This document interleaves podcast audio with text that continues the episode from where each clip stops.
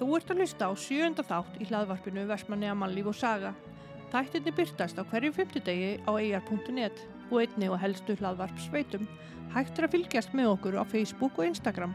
Í dag munum við ræða við Jórunni Lilju Jónasdóttur sem er fætt 27. júli 1976 um líf hennar og störf. Síðar munum við fá brot úr sögu Vestmanniða sem að bókasaf Vestmanniða hefur tekið saman fyrir okkur. Þættinir eru teknir upp í fundasalnum og hótel Vestmanniðum. Sæl Jórun Lilja Jónasdóttir Blessuð Alma. og velkomin í hlaðvarpstáttin okkar. Já, takk fyrir það. Vestmanniðar mannlíf og saga. Já, það er aldrei leys. Já, það er aldrei snabbt Já. sko. Við ætlum aðeins að forvinnast um hver er Jórun Lilja? Já, það er stort í spurt. Mhm. hún, er, hún er eiginlega bara svona og lítil sprengja. Konfetti sprengja? Nei. jú, jú, það, er- ég er bara, ég er bara ansi margt. Ég er hérna bara móðir og eiginkona og svo er ég náttúrulega bara söngkona og alls konar. Ég, ég hef bara stigið allstæðir inn á öll svið held ég. Já, og bara, jú, jú, ég fór á fristitóðar ég er búin, að vera allstaðar og mér finnst allt skemmtilegt. Ég held að, ég held að mannlíf bara yfir höfuð og, og liturinn á öllu fólki bara í mannlífi og perlist einhvern veginn bara svona inn í augun á mér og mér finnst allt skemmtilegt. Þannig að ég, einhvern veginn, ég veit það ekki. Finnst, ég bara, ég held ég sé allt. Já, ég er bara eins og vatnið, ég er bara allstaðar já. Bara rigningin. já, ég henda, henda allstaðar það er bara þannig Já, en hvernig var lífið á fristitóara? Það var alveg stór skemmtilegt, þetta var alveg magnu og þetta var bara svo brjálaðisli upplifun. Þetta, ég fór náttúrulega þetta í tilgangi til að eignast alls ekki kærasta og var alveg komið nóg að þeim og fer svo bara um borð og eignast kærasta og, og, og fóstu dætur og allan bakkan. En hérna þetta var rosalega skemmtilegt. Við vorum náttúrulega stundum bara í 54 daga í burtu og þá í engu símasambandi og bara með talstöðina og þá þurftum við náttúrulega bara að retta okkur og við vorum með galdrakvöld og það voru pizzakvöld og það voru hérna gátur og, ég, og það var búið til blaðumborð og þetta, þetta var bara ótrúlega skemmtilegt og þetta, þú veist, lísti líka bara svo þessum eiga anda, veist, að því að við þurfum ofta að hafa bara fyrir okkur sjálf, skemmt okkur sjálf og hérna, þú veist, erum svolítið svona nóg einhvern veginn og hérna það var akkurat einhvern veginn þannig stemning líka um borð. Þú veist þetta fór ekkit frá okkur við heldum áfram að hafa gaman og, og skemmt okkur þrátt fyrir það að við værum náttúrulega bara langt í burtu frá öllum mættingum og, en þá hérna gerðum við okkur þetta bara og byggum bara til þessa gleðistundir. Já, og voru þið marga stelpur um borð? e, Já, það var uh, mjög var, við vorum alveg upp í fjóra stundum og, og stundum þrjár og stundum tværa og rosa misjátt eftir bara fría kerfum líka hjá fólki og En það var alls konar, það var einn sem prjóna og prjónaði og svo var, veist, svo var snirti kvöld hjá okkur stelpunum og við byggum alveg til líka svona gleði, svona stundir fyrir okkur. Þannig að þetta væri ekki alveg bara þetta kallæga umhverfi, þannig að það var líka gott fyrir kallana, skilur, að hafa okkur. Það var pínu prumpableiku og þeir eru bara ánæði með það, skilur, þannig að það var ekki alltaf ykkar harkan sex. Þannig að Voru Það var þeir, líka. voru þeir ekki teknir í spaða? Já, nei, þeir, vo- jú, jú, þeir voru svona stundum að, svona, já, en svo, nei, bara, nefndu er þess ekki, fóru frekari og, og horfðu á einhverja vídeómynd. en jú, jú, það var ofta reynda að vera með einhverja handsnýrtingar hann á eitthvað, en það, þeir voru ekki dróðsalega mikið fyrir þetta. Það er nú verið skemmtilegt að það væri hérna YouTube myndbund á þessu til. Já, guð mig góður, jésus, ég veit ekki. Og hvað hérna, hvað varstu lengi að sjó? Ég var í nýjum mánuði. Já, og, og fórum svo líka hana í frí til Spánar í þrjár vikur. Og það var mjög skemmtilegt. Af því við tókum þetta svolítið í beit líka við vorum einhvern veginn aldrei um, í landi. En þegar við vorum í landi þá var ansi skröllegt að vera í landi og stundum bara myndum við alla eftir að hafa verið í landi. Nei, nei, það var alveg gaman sko. Við, hérna, og, og áttum alveg þú veist, ágæta pening og fórum þá bara í kringlun og gerðum vel við okkur og, og svona alls konar, þetta var alveg æfintýri mjög Já. gaman geggja. Já, mjög gaman En hvað ertu bara að sagja í dag? Í dag er ég í, í fjarnámi í Háskóla Akureyrar í nútímafræð Mm. og hérna, það er mjög áhugavert og skemmtilegt og fræðandi það er náttúrulega, þar er uh, komið inn á bara heimsbyggi og siðfræði og gaggrinn á hugsun og alls konar eitthvað sem að hérna, gagnast bara öllum. Mm.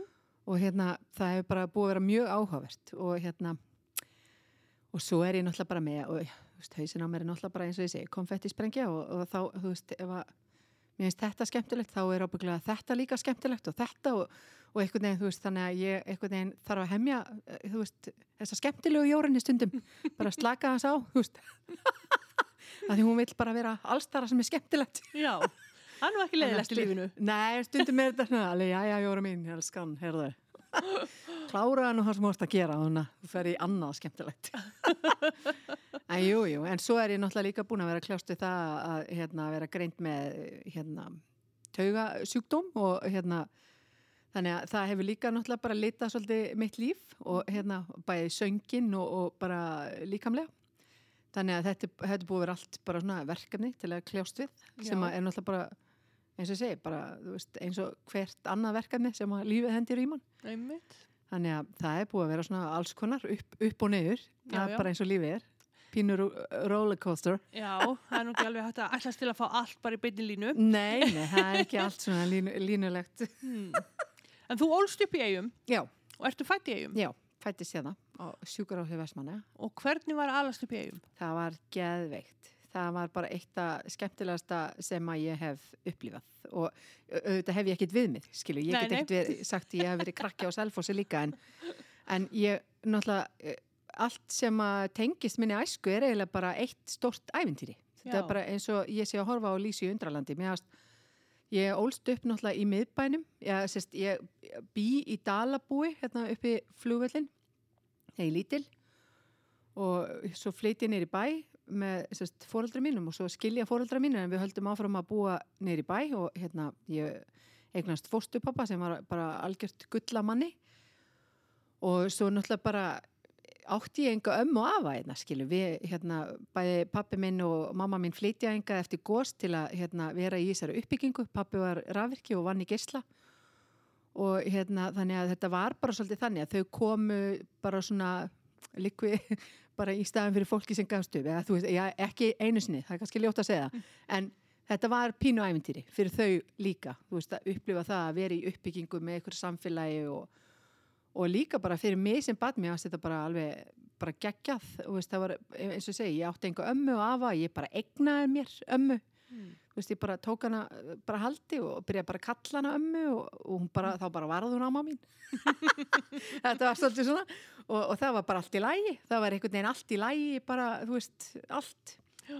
og bara nágranni mínir nýri miðbæ og eru bara dásamleir og þá bara, þú veist var ramveig og heiðar og götuhotninu og, og hérna og svo náttúrulega hérna fóreldrar Stellu Hauks náttúrulega við hliðin okkur og þetta og Amma Nína við hliðin okkur og, og þetta var bara svo neta trossurnar út um allt og maður hekk í þeim og hérna og sumrin var þetta nánast eiginlega bara eins og lítið ævintýri, ég vaknaði bara alltaf bara sjö á mótnana, þú veist að því ég þurfti að fara inn á netavexta, ekki á villiköttunum og ég þurfti að sauma, nei, hérna fara og ná í sópinn og sópa spottana og netaköllunum og segja hæfi þá og fara út og svo þurfti ég að ljúa Jóni að ég væri strákur svo ég kemist með honum á trilluna og, og hann sagði, nei, Jóri mín, þú ert ekkert strákur. Og ég bara, jú. Og þannig að þetta var svona þetta var eiginlega bara ævintýri, allt saman bara, þú veist, og minningi mín er eiginlega bara svona nánast eiginlega bara eins og ég hafi bara alltaf verið að vakna í einhverju svona einhverju bara bíómynda uh, Já, bara svona, svona, já, nánast eiginlega bíómynda senu að því og líka bara eins og allir krakkar frá eigin mun eftir sunnudögum, þeir voru náttúrulega bara alveg sérstakir, Mhm. sko. Þá náttúrulega vaknaði maður upp fyrir allar aldir og, fór í hérna kirkju og fekk hérna jesúmyndirnar og svo fór maður í Betel og, og hérna og fekk stimpil í bók og, og svo og, Já, já, og svo þurfti maður að hlaupa heim til að ná hérna hrygginum og, og svo þurfti maður að hlaupa aftur út til að fara og kaupa smá nammi til að fara í bíó og Mhm. svo aftur að hlaupa heim, skilju, að því að maður þurfti að ná grænja á gresunni, skilju, var, þetta var bara stífu sunnudagur og það var bara, það var ekkert hægt að breyta þessu, bara, þetta var bara svona. En þetta var rosalega skemmtileg upplifun og einmitt í dag er maður líka að sjá það að það er svolítið svona fólk er að reyna að halda í einmitt, að, að þessi hefð svona sunnudags hefðin hjá börnum sé svolítið, svolítið svona fast mótið eða svona í svona Mhm. föstum skorðum og mér finnst það líka svolítið svona fallegt hérna Já, í þessu samfélagi að þetta svona fólk, fólk vill mæta í leikús á sunnudögum eða bíó eða, eða í kirkjuna og Já. hérna, þú veist, það vill halda í þessa gö- gömlu hefð sem að það vissi að það væri hérna, að gera svo gott fyrir veist, fullorna einstaklinga Já, já. þá, þá auðvitað vill fólk halda í það að Já. halda þessu áfram og halda þessu gangandi sem er náttúrulega bara geðveikt, mér er staðislegt þetta er bæði menningalegt og, og bara bara indislegt mm. og bara gott að eiga þessa minningu Já, já, bara dásamlegt sko vex úr grasi. Nákvæmlega. Finnst þú að hafa grætt eitthvað á því að alast upp í Vestmanniðum? Uh, já, helling. Ég, það, ég fæ ofta að heyra, þú ert svo öðruvísi. Ég bara, já, ég kem frá Vestmannum. Það er bara, við erum bara svolítið opinn. Við erum opinn með allt og opinn með, hérna, hvernig okkur líður og tilfinningar og annað. Veist, við, við hérna, eigum auðveldra með að segja oft hlutina hreitt út Mm -hmm. og oft er það svona hérna, eins og þegar eftir ég flutti þá hérna fór ég náttúrulega að tala við fullt af nýju fólki, að kynast nýju fólki og, og það var alveg bara, wow, þú veist, hérna þú, þú ert svona pínu skellur. Og ég bara, já, ég veit að ég held, ég held ég bara kunni ekkit annað, er, við erum bara svolítið svona vestmanningar, hérna, og ég held að sé líka ástæðan fyrir því að að það eru bara svona margi sem hafa náð langt frá vestmannum, þeir þú, þú nærðóksla langt líka þegar að þú veist eh, hvernig að líður og hvert þú ert að fara. Það er Mhm. bara, þá ertu svolítið svona með markmiðasetningar og annað bara alveg í keginu en þú veist, og það er líka tengist líka hvernig hún kemur fram með fólk. Já, já. þú veist, ef þú segir bara hvert þú ert að fara og hvert þú ert að fara að gera þá, þá ferður hraðar. Mm -hmm. þú veist, og það er náttúrulega bara eitthvað sem að sem að enginnur oft vestmanninga þeir, þú veist, þeir taka oft bara baði í gegn hjá sér sko á einni helgi. Þú veist, Já, það er bara, og þeim finnst það bara ekkit vandamál, þeir bara, já, já, herðu, drýjum þetta af. Já. þú veist, og þetta er bara svona þú veist, en það er bara hérna, og líka bara eins og ég segi, það er bara þessi kærleikur eins og ég bara hafi eigna mér ömmu þú veist, Já, þetta já. bara, hún hefði bara getað sagt, þessi krakki eitthvað klikaður og bara alltaf hangað hérna heima Já. en hérna, þetta er, þetta er ekta vestmanniðar þetta er, þú veist, þú einhvern veginn stoppar alltaf bílinn ef þú sér grátandi batna á, á gangstéttinni. Þú, þú keirir ekkit framhjá. Já. þú, þú tekkar og er allt í lægi og hérna á ég að keira heim þú veist, þetta, þú veist, þetta viðmót er svolítið fjarlægt upp á landi. Þetta er svona, fólk svona þorir ekkert neginn ekki að stíga inn í þetta. Það er svona heldur alltaf að hérna, það megi ekki eða eitthvað en, en þetta fylgdi líka með mér. Ég bara er ennþá að stoppa fyrir krakkum er allt í lægi með þig? þau var bara, guð, hvað klika kellinga er þetta?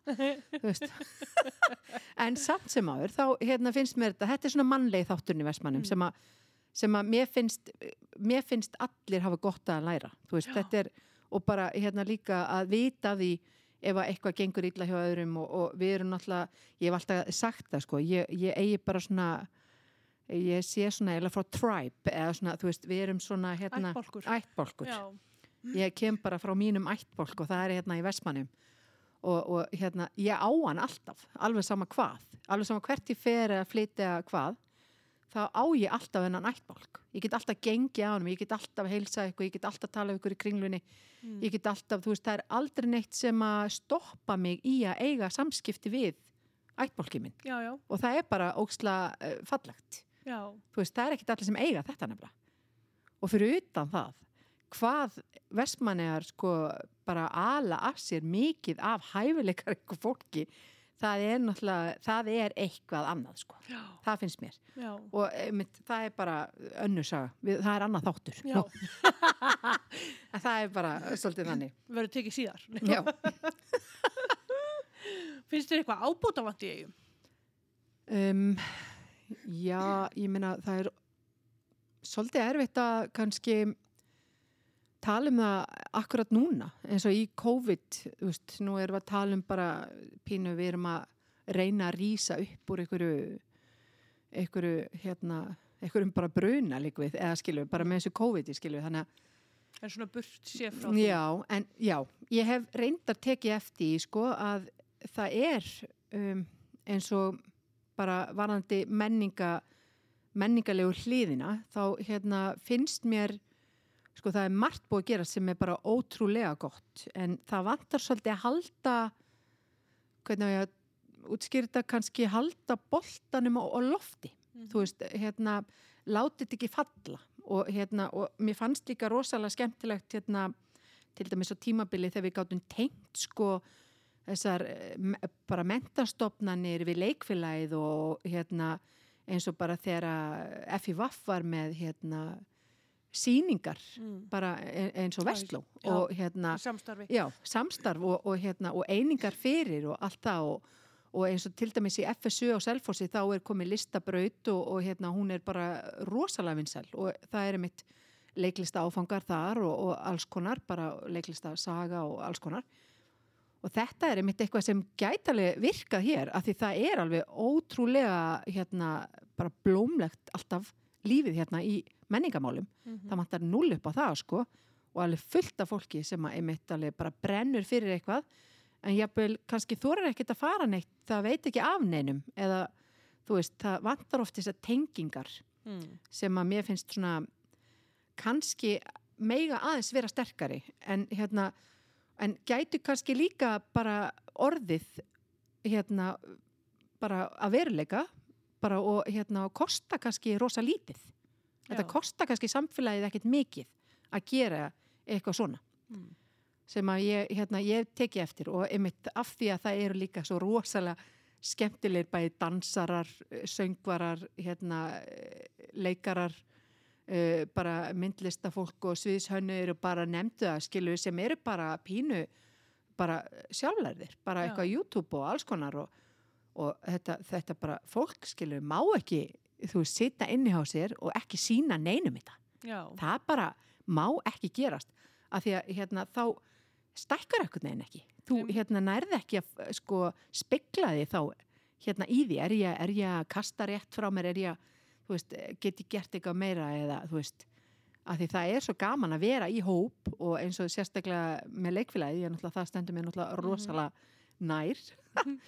Þá, hérna, þá er svo magnað þegar maður sér bara allt þetta fólk bara upp á svið og maður bara gjössanlega fæði gæsahúð yfir því hvað þetta er bara magnað þetta fólk. Já. þetta er bara eitthvað annað sko. Þetta er bara eitthvað orka sem að maður getur ekkert líst Já. og það er bara þannig líka bara eins og með krakkana sem að sækja FIVAF og alls konar og líka bara eins og innflytjendur sem þurfa að læra íslensku þá er þetta rosalega gott mitt að fá greiðan aðgang bara að hérna, hlutverki eða, eða hérna, hlutverki í FIVAF eða eitthvað læra íslenskuna betur veist, og það er oft auðveldara í gegnum söng eða leiklist að læra tungumál Mm. þú myndrænt sér fyrir þér orðin Já. og, og hérna, það, þá gengur auðveldlega að hérna, skilja hvað þú ert að segja og, og það er líka bara með alla, sumir læra bara alltaf myndrænt eins og ég. Ég var bara, just, ég, meira og minna skildi bara ekki helmingin í kennslunni sem fór fram í grunnskóla, ég var bara ó. en það var bara ekki fyrir en ég fór einmitt að, hugsa þetta sko, þegar að ég var með þessa lifandi kennara sem voru bara, bara næstu skriðandi upp á borðum, þá var ég bara alveg all in, sko, ég bara, já. Þú veist, hérna, og tók allt einn, sko, en þá fór ég líka að gera mig grein fyrir, sko, þetta myndræna segir svo mikið, Já. bara fyrir líka kennsluna, Já. hvort sem að, þú veist, ég er bara alltalandu íslensku eða, eða ekki, þannig að það er bara, það er rosalega merkilegt hvað þetta hefur mikil áhrif. Já. Ég er endur alveg samanlega með hérna þetta myndræna. Já, ég er líka það. Við erum svolítið líka já, kannski svona í þar. Með svona smá konfetti líka. Já, nákvæmlega. En hérna, þú ert nú búin að syngja svolítið mikið. Já, Svona í gegnum tíðina bara. já, Og hvað ert að brasa núna í söngnum? herðu, ég var hérna í morgun að taka upp uh, lag eftir Stellu Haugs Mm. uh, sem ég söng með henni þegar hún átti stóramæli og var með tónleika í alþjóðhúsinu bara og það, það var alveg smekk fulli tónleikar Já. og bara mikið stuð og svo söng ég þetta lag líka í jarðaförnennar þegar hún dó og, hérna, og mér og Helga Tós og okkur fannst að hérna, við þyrftum nú að taka þetta upp og eiga þetta bara í ykkur fallegra formi og hérna, þannig við getum svona sett þetta líka bara út fyrir fjölskyldunennar og, og aðra, Já. vinennar og sem að hafa verið að dröslast með henni svona gegnum tíðina. Þannig að hérna, við ákveðum bara að drífa þetta af og við vorum svo peppuð að við ákveðum bara að skella í næsta lag. Þannig að það komið bara prógram. En það er bara flott, það er mjög fínt. En ég hætti að hérna uh, kannski, eh, já, ég hætti ég saltaði söngin svolítið 2014 og hérna þá náttúrulega bara aðalega út af því að hérna þegar ég flytt á Selfoss þá uh, var ég búin að vera mikið hérna í, í Mamma Mia og það var náttúrulega bara rosalega gaman og mikið, mikið álag og skemmtilegt, bara alltaf gaman. En þá einmitt fór ég að taka eftir að röttin á mér var ekki alveg að fylgja eh, því sem að ég- ég hafði bara alltaf tekið sem sjálfsögum hlut. Og, og eins og við erum bara, við tökum sem sjálfsögum hlut að reyma skóna, við tökum sem sjálfsögum hlut að greiða okkur hárið og, og einhvern veginn þá festum við einhvern veginn ekkit endilega tilfinninguna í það að gera þetta, við, ge- við bara gerum þetta. Og þetta er bara einhvern veginn hluti sem okkur finnst bara eh, ekkit merkilegir, Já. nánast.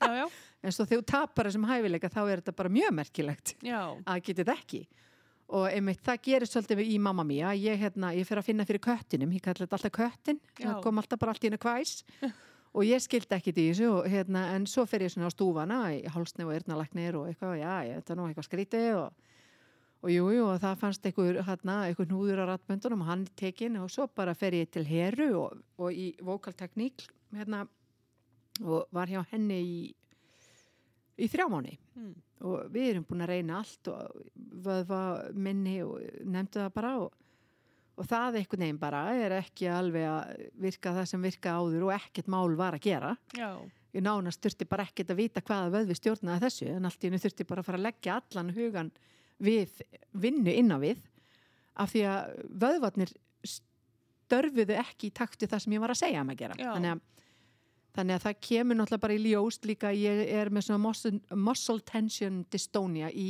röddinni. Hún þá fara vöðvarnir að gera bara eitthvað fýblaskap þegar ég er að fara að reyna að gera eitthvað aðeinslegt já, þannig að þeir bara, nei, við ætlum að gera eitthvað annað. Já, og fara að koma með bara svona óvart og ég bara hef enga stjórn á þessu sem, sem er náttúrulega bara drulli fyndi stundum. En þegar að hérna maður er mitt hefur einhvern veginn aldrei lagt en að hugsun í þetta þá hérna verður þetta bara perandi maður er hvað, okkur, hvað og, og maður verður svona pínu eins og rassálfurni. Okkur, okkur, hvað veist, og hérna bara skilur ekkit hver að ske. Já, og hérna en þú veist, þá, þá einmitt þurfti ég svolítið bara að fara að vera bara í svolítið öðruvísi æfingum. Ég þurfti að fara að gera alla mína söngaöngar gegnum rör og bara alls konar öndunæfingar og, og, og svona ekkert sérstaklega kannski söngaöngar en mm. þetta var svona já, þetta var mjög skrýtnaræfingar en og ég er ennþá að gera það í dag og, og svo er þetta rosalega misjæft líka bara eftir dagsformi hvað ég er, þess vegna finnst mér stúdíóvina svo skemmtileg.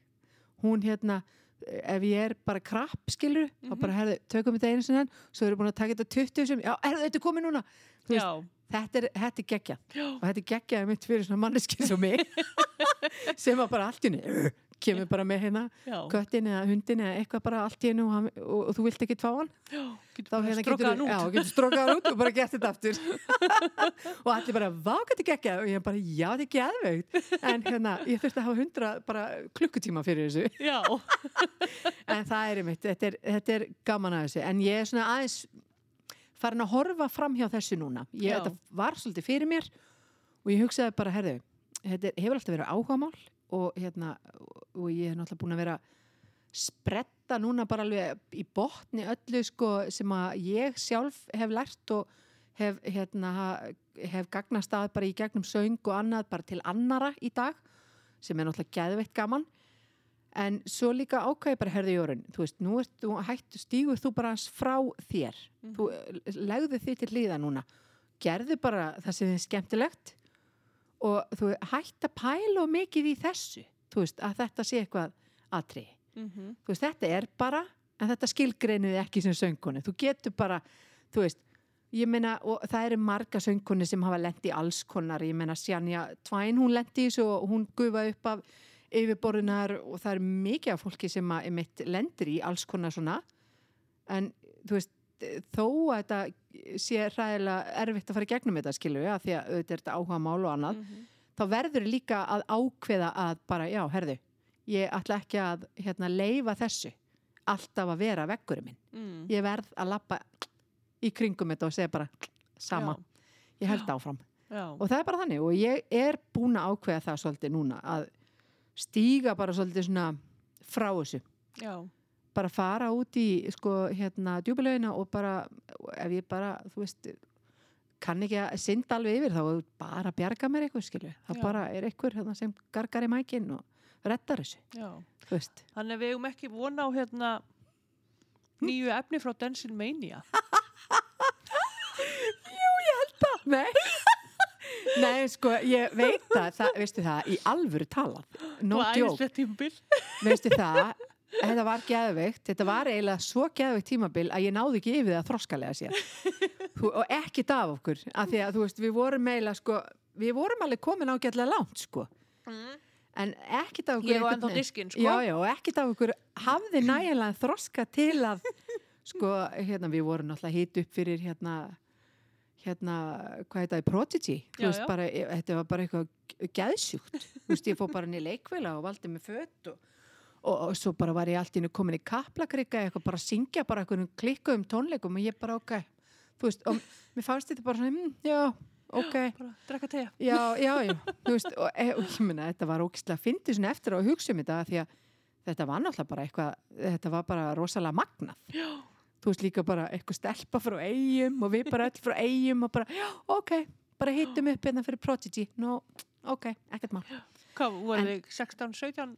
já, við vorum, já, 17, 18 ára? 18 ára við Já, vorum ekki neitt, svo vorum við sko fengin líka á einmitt græðum Ísland þarna tónleikana Já, og já.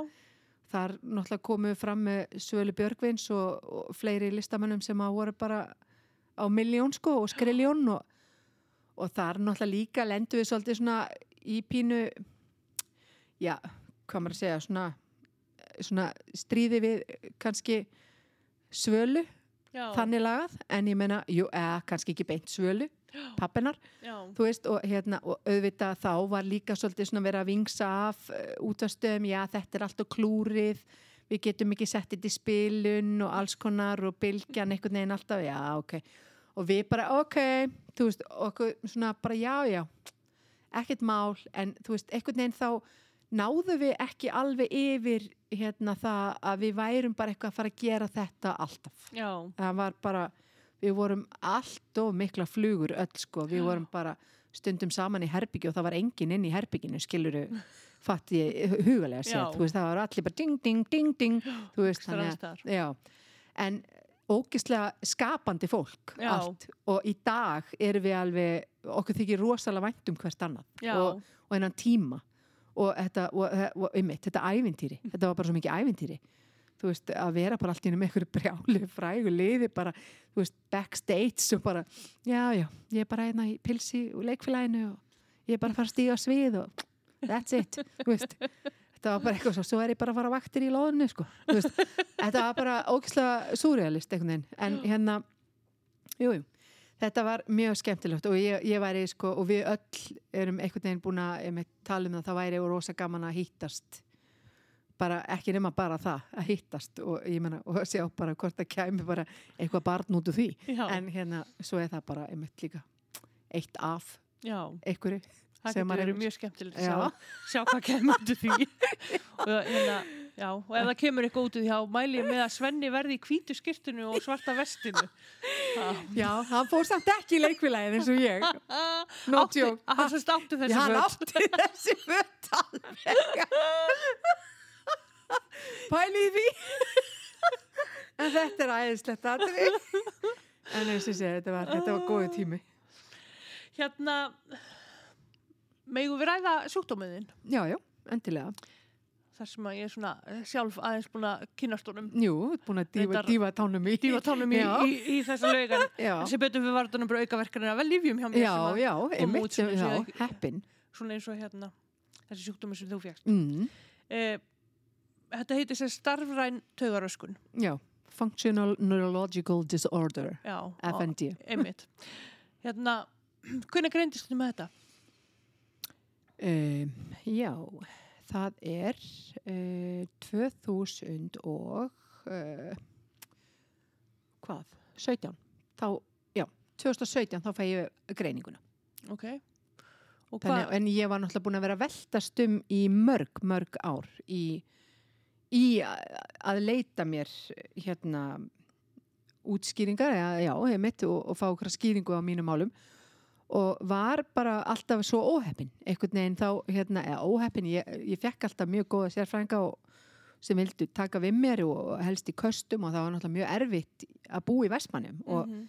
fá kast og, og oft var veður sem stoppa ég færi yfir og alls konar og, og einhvern veginn en svo var oft líka bara sérfræðingar sem hættu eða bara með tvengu sjúkdóm sjálfur og dói og sem skildu mig oft þá eftir einhvern veginn aftur á byrjunarreitt Mm. af því að kerfið á Íslandi er bara þannig að það er, var engin svona einhver gagnagrunni sem að flakka á milli og hérna einhvern veginn varst alltaf núlpunkti já. hjá öllum þannig að þú veist, þú varst alltaf bara oh, það er ég að fara með alla þessar rull aftur veist, þannig að þetta, þetta líka var, voru rosalega letjandi Já. þetta, þetta eiginlega var letjandi þannig að maður svona nefndi stundum ekki að standa upp fyrir sjálfum sér með sverð og skjöld og nú ætla ég að berjast fyrir mig, nú ætla ég að reyna að gera eitthvað, þú veist, en hérna það einhvern veginn bara, setti mann alltaf bara aftur í sófan og bara, oh, dammit Já. en hérna svo var ég náttúrulega bara búin að vera mitt að lendi þessu með röttin á mér og alls konar fjöri og lendin á landsbytalega í aðgerða því að ég fekk axli í kviðarhólið og, og það þurfti náttúrulega fjarlæga það og hérna og átti náttúrulega að vera farin út fyrir einhvern ákveðin tíma samkvæmt þeim og, og svo bara kemst ég ekkert út. Ég er bara öll í krömpum og spösmum og líka minn á mig bara veist, og þá síndi það sér náttúrulega bara best Mhm. inn á spítala hvernig ég var. Og eh, sem var náttúrulega bara þá að ég var náttúrulega farin að vídeotaka bara hvernig líka minn á mig var. Ég var náttúrulega bara öll í spösmum og þessi spasmar eru bara gífulega eh, vondir. Bara þetta er eitthvað þetta er eitthvað bara, þetta er eitthvað anna, önnur tegund af sársöka sko, þetta er bara og, og skilur mann eftir bara rosalega dasan, maður bara er algjörlega búin í tvær vikur bara að reyna svona eins og batteri, að svona magna sig upp aftur, af því að ma maður fer oft líka bara í svo mikla vörn sko við verkjónum að á landsbytalan til dæmis lærði ég bara með hjúgrunafræðinga að anda mig bara líka í gegnum þetta. Og það var líka bara hellingsvinna sko. það var bara, þú veist, að, að taka svolítið hausin á sig líka í gegn og vera ekki alltaf í stríði á móti líkamannum sem var bara í stöður í spennu og sendi ykkur sko, skrýtin skilabóð út um allt og, og ekkert að þessum skilabóð sko, bara á við rauka stiðjast sko. þetta, er bara, þetta er bara steipa Mm. Og þetta er kallað bara að vera með hugbúnaða villu já, já. og svo kemur þessi dystónia ofan á og, og það er mitt þessi spasmar og krampar og allt þetta og hérna en þetta tengis bara rosalega mörgu. Þetta er ekkit endilega bara í útlimum. Þetta er í augunum á mér, ég missi sjónsviðið. Ég næ stundum ekki að tala. Mhm. bara eðla, fer að tala bara og næ ekki að mynda orð. Og ég er ofta eins og ég sé bara í svona alias eða pictionary með einhverjum. Ég er æ, þú aðna klæðið í það og það er aðna, þú veist, svona úr plasti. Og allir, skór, nei stífvel, nei, þú veist og ég næ ekki að framkalla þú veist, þessa sko orðið er, en ég næði ekki út. Og, og alls konar sko stundum líka bara ef ég er að fara að reyna að segja eitthvað þá kemur bara, veist, ég var einu svona að segja við einhverja konu sem ég þekkti bara nánast ekki neitt. Hún var eitthvað að kaupa sér peysu hún er fyrst ekki fín peysa? Ég lú, sæta peysa. Þá kom þetta bara út Já. bara eins og ég væri bara búin að drekka 30 bjóra, sko en það er oft líka bara, þá veit ég það bara, já, ok, herði, Já. þú þarft að fara heim til þín Já. Aðeins að slaka. já, nú er þetta hérna, þetta er bara svona svolítið sæn Já. og svona og eins og bara ef ég er að reyna að svara fólki þá kemur oft bara, bara eitthvað, eitthvað steipa sko, Já, og já. maður er alveg dí, þú veist, og allir alveg horfa maður, þú veist, og hlær svona já. þetta er djók veist, eitthvað, en þetta er náttúrulega ekki djók já, ég veit hvað þetta er, sko, en ég nenni endilega veist, og svo nenni maður ekkit endilega veist, maður nenni ekkit að sitja já, heyrðu, sko, þú veist, hérna eitthvað. Maður bara, heyrðu, ég þarf bara að hérna, fara, kem eftir þrjá Já. tjekka þá. Veist, en hérna, svo bara endilega er þetta ekkit að virka eftir þrjá. Já. og stundum er þetta bara þrý dagar. Þannig að þetta getur verið rosalega misjátt bara eftir bara dögum og, og eins og til dæmis ef ég er spennt yfir ykkur Mhm. og bara svakalega spennt bara til dæmis eins og fara að leia Já. það getur bara alveg farið með mig Já. Já. og ég þarf alveg bara meditata, bara þú ert að fættu lega ekki vera of spennt átt eftir að hitta þetta fólk, slakaðu á þú veist, þú veist, en það er bara eins og ég sé krakki á jólunum og þá byrja bara kippir í andlitin á mér og þú, Mm. kinnin á mér fer á fullt og eitthvað og ég ræði ekkit við það og, mm, en það er bara, einmitt þetta, þetta er parturinn af þessum, eh, þessum þessari greiningu Já. og þessari röskun. Ég hafði aldrei heyrt um þetta fyrir að ég lendi þessu sjálf. Já, einmitt. Og hérna en þeir segja að þetta sé frekar algengt.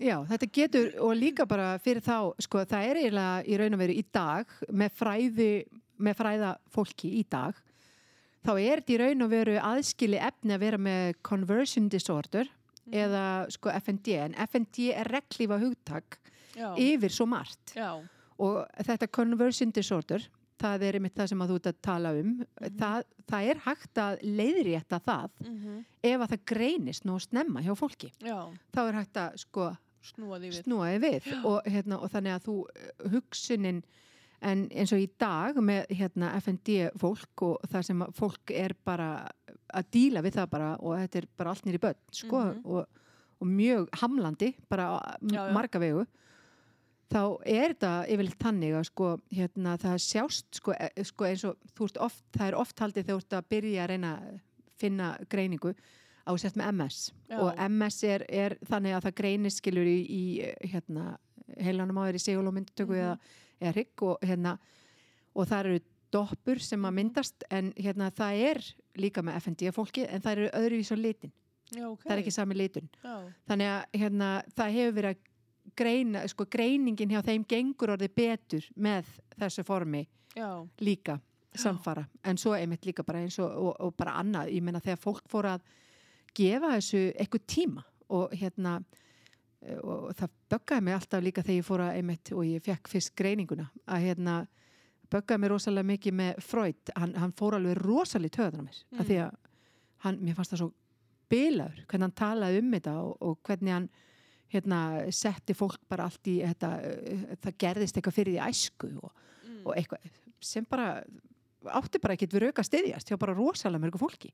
Sem bara dutta hespaki og bara voru bara lamaðir í hjólastól bara gátt ekki gengið og ég þurfti bara þrjú ár til að læra að lappa upp á nýtt. Mm, en ég fóru heldur aldrei frá almennilega skilur þessari röskun. Já, hún bara hamlar því bara að eilifu já, já, en sumir gáttu kannski lendi í bílslýsi og þetta byrjaði en eh, losuðu sig við þetta á nýju mánu já, já, þannig að hérna, þetta átti einhvern veginn aldrei almennilega verið eitthvað að styðjast. Þó að eitthvað þessu fólki fittaði inn í formið þá voru ekki allir.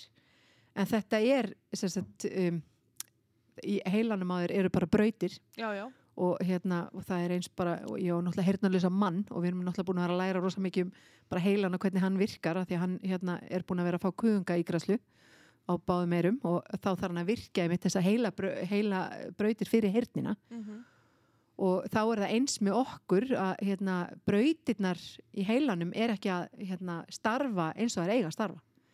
Oft koma mína tilfinningar bara út líkamlega. Mhm, þær koma ekki út eins og hérna Já, eiga já. að gera einmitt, en þær koma líkamlega út og, og það er oft líka það sem greinir einmitt þennan sjúkdóm. Já, það er hann er- spasma eða já, eitthvað svona. einmitt, og einmitt, ef ég verð spennt Já, og glöð þá er ég bara, en ég get ekki eins og framkalla þetta eins og þetta Nei, gerir nei. sko, þetta er svo þetta klikkað er alveg mjög spes.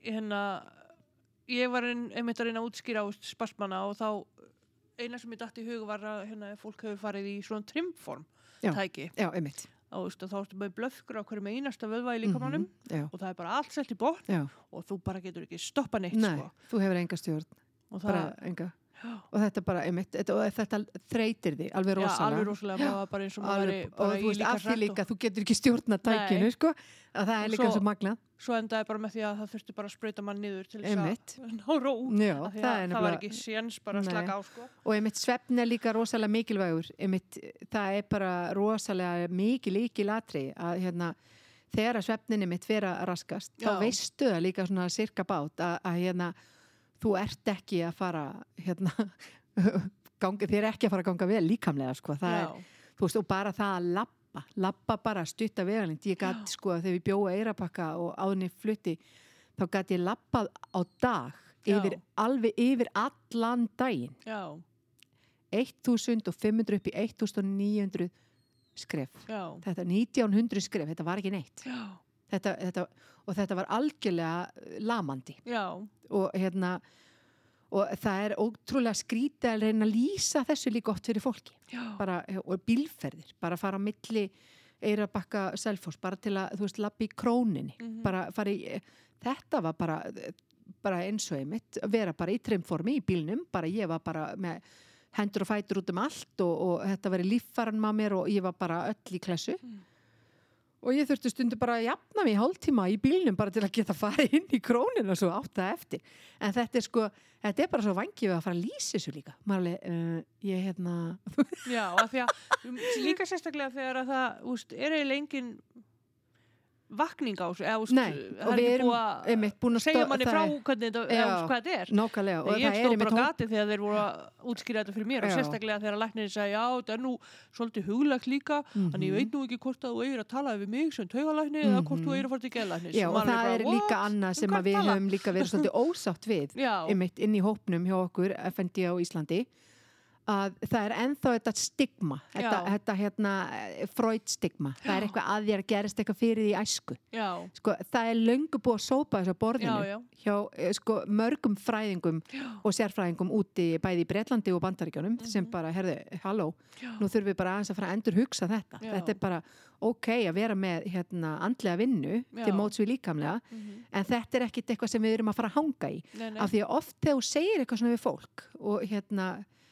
uh, það gerast eitthvað fyrir því æsku þá, þá fer það að búa til minningar Já, og já. búa til eitthvað raunveruleika sem jafnvel var aldrei einmitt, og gerðist aldrei og það erfiður oft helmingi meira einmitt þessum sjúklingum af því að þeir vilja svo finna Mhm. einhverja sko ástæðu og, eitthvað, Já. og vita að þetta er og, og hérna bara af því að þetta er veist, og af því að þetta gerist þá er þetta svona já, og þá kannski losnaði við Já, en Já. af því að þetta stigma er ennþá í samfélaginu og, og milli margra lækna og þeir eru ekki endilega búin að dífa sér og nýta að kynna sér þetta þá hérna líka myndast oft þetta, þessi gjá á milli sjúklinga og, og sérfræðinga á Íslandi Mhm. bara, já ok, nú veit ég bara meira sem sjúklingur og þú ert alveg út að skýta ég Já. þarf ekki að tala við þig.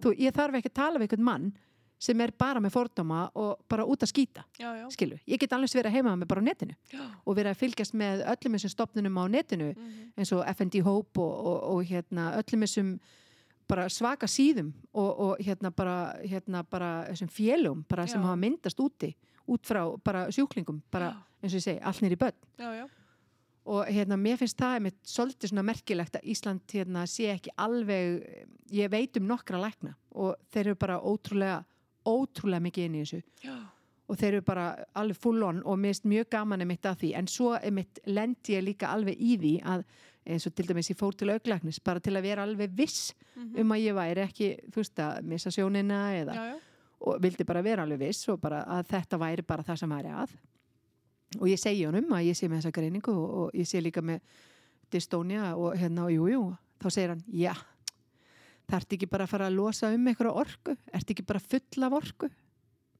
Og ég horfa á hann og ég bara býtu, hvað meinar og ég bara fór út að hlaupa og þá sé ég betur. Veist, þetta, þetta er svo já, já, Þetta er svo þroskaheft. Og jújú, jú, auðvitað hérna, er við alveg fulla orku og er ekki, við erum ekkert nema orkan. Já, en sko þegar þú hefur eitthvað stjórn á henni þú veist, þá hérna segir ekki svona líka. Veist, já, ég meina, það ert ekki bara að losa þessa orku veist, ég bara, hvað er það að meina? Hvað, ég fara heima að ríða? Og nei, ég mátti ekki segja þetta. En ég meina, já, ég er að segja veist, þetta er svo klikkað, veist, og maður er alveg bara þetta er nú alveg steik, sko. En það er oft eh, sem að þetta, þetta svona tekur mann frá og maður hugsa ok, ég þarf ekki að ræða við svona fólk. Já, ég, þar, ég veit betur þó einmitt, ég sé ekki útskrifaði lagnum með fimm ára eitthvað þú veist, þá hérna er líka í höndum og líka læknar bera ábyrð á því að vera að endumenta sig mhm, í öllu, ekkert endilega bara því sem þeim finnst skemmtilegt. Mhm, þú veist, líka bara í því sem að er að gerast og kannski mikið að því. Já, Þannig að, en ég, eins og ég segi, ég var oft með einhverja kenninga líka á lofti það var ábyggilega gúan og lyktin og þetta var ábyggilega, þú veist, já, sem að annáttúrulega maður er alltaf að reyna að finna einhverja útskýringar. algjörlega, Já, en svo líka slefti ég líka svolítið, ég hugsaði bara, ok, þetta er bara eitthvað sem fylgir þér núna mm, og þetta er bara ákveðin föllin og, Mhm. og ég verð bara líka svolítið að segja bara ok, þetta er bara svona stundum bara get ég ekki labbað, Mhm. stundum get ég það. Þá ger ég eitthvað skemmtilegt. Mhm. þegar ég slæma dag þá bara ger ég bara það sem líka minn að segja mér að gera. Já, og ég verð að hætta að vera reið við hann. Já, þú veist, ég verð að hætta að oh, djúvis helvið, þú ert svo ung og þú ætti ekki að vera svona, oh, sjáðu Já. hérna jafnaldræðina og ég var alltaf í þessu, ég var alltaf að rífa mig niður og, og segja ykkur að ljóta hluti við mig. Í staðin fyrir að segja bara, herðu Jóra mín nú áttu bara slæma dag og nú skulum við bara Netflixa og, og bara gera eitthvað sem þú getur gert. Já, bara chillaðu, þú leiðu þig bara chillið. Þú veist, það er líka bara allt í lagi. En hérna, þú veist ég ákvað líka svolítið að sleppa hérna uh, hérna, þessari gellu sem ég var alltaf með á bakinu sem, sem var stöðugt að metast við aðra og, og, og meða sig við jafnaldra sína. Mm, og, hérna, og ég hugsa að þetta er ekki, þetta er ekki heilbrygt, þetta er ekki gott fyrir mig. Veist, og þetta er ekki ekkert að gera fyrir mig. Nei og ég er ekki að hjálpa neinum öðrum með því að hafa mig svona. Nei og, hérna, og til þess að einmitt, vekja aðtekla á þessu eins og bara þú veist já, þá verður maður líka að vera bara svolítið svona eh, hugsandi. Já. he, heill skiluru ég get ekki gert eitthvað bítur og reyð fyrir eitthvað skilur þú veist, eitthvað hérna og tuðandi og ný naflan á mér skilur já, já, en ég geti gert eitthvað skilur þegar ég veit að það er eitthvað jákvætt. Já, þú veist, hérna, þú getur gert þetta og þú getur gert þetta og, þú veist, þannig að það er líka eitthvað sem færi þá bara eitthvað pínu frið. Já, í manneskinu sem er að díla við að sama já, og hvernig nær þú að halda þér svona í ágætis horfi, ef maður á að segja svo? oh my god, það er alveg fullvinna en það er, jú, ég er, ég er í sjúkarþjálun tussari viku og, og það er bara búið að vera fast inni bara í, í mörg ár og, og hérna og ég er bara hjá frábærum sjúkarþjálfa sem er bara ég er svo heppinni mitt að hafa eh, fengið hana og kynst henni og ég, mér finnst stundum eins og hún hafi verið sendið mín. Svona ef ég tala aðeins í trúa, trúabilgjum en, en það er oft þannig líka að fólk er eh, þú færð bara oft til þín eitthvað sem hjálpa þér á næsta level. Og það er bara, og það var einmitt með hana. Hún skildi svo mikið hvað ég var að tala um og hún síndi mér svo mikið af æfingum sem að ég hafði aldrei pælt í. Já. og hérna, og svona einhverjar einhverjar hluti sem að ég hafði aldrei bara leitt hugan að.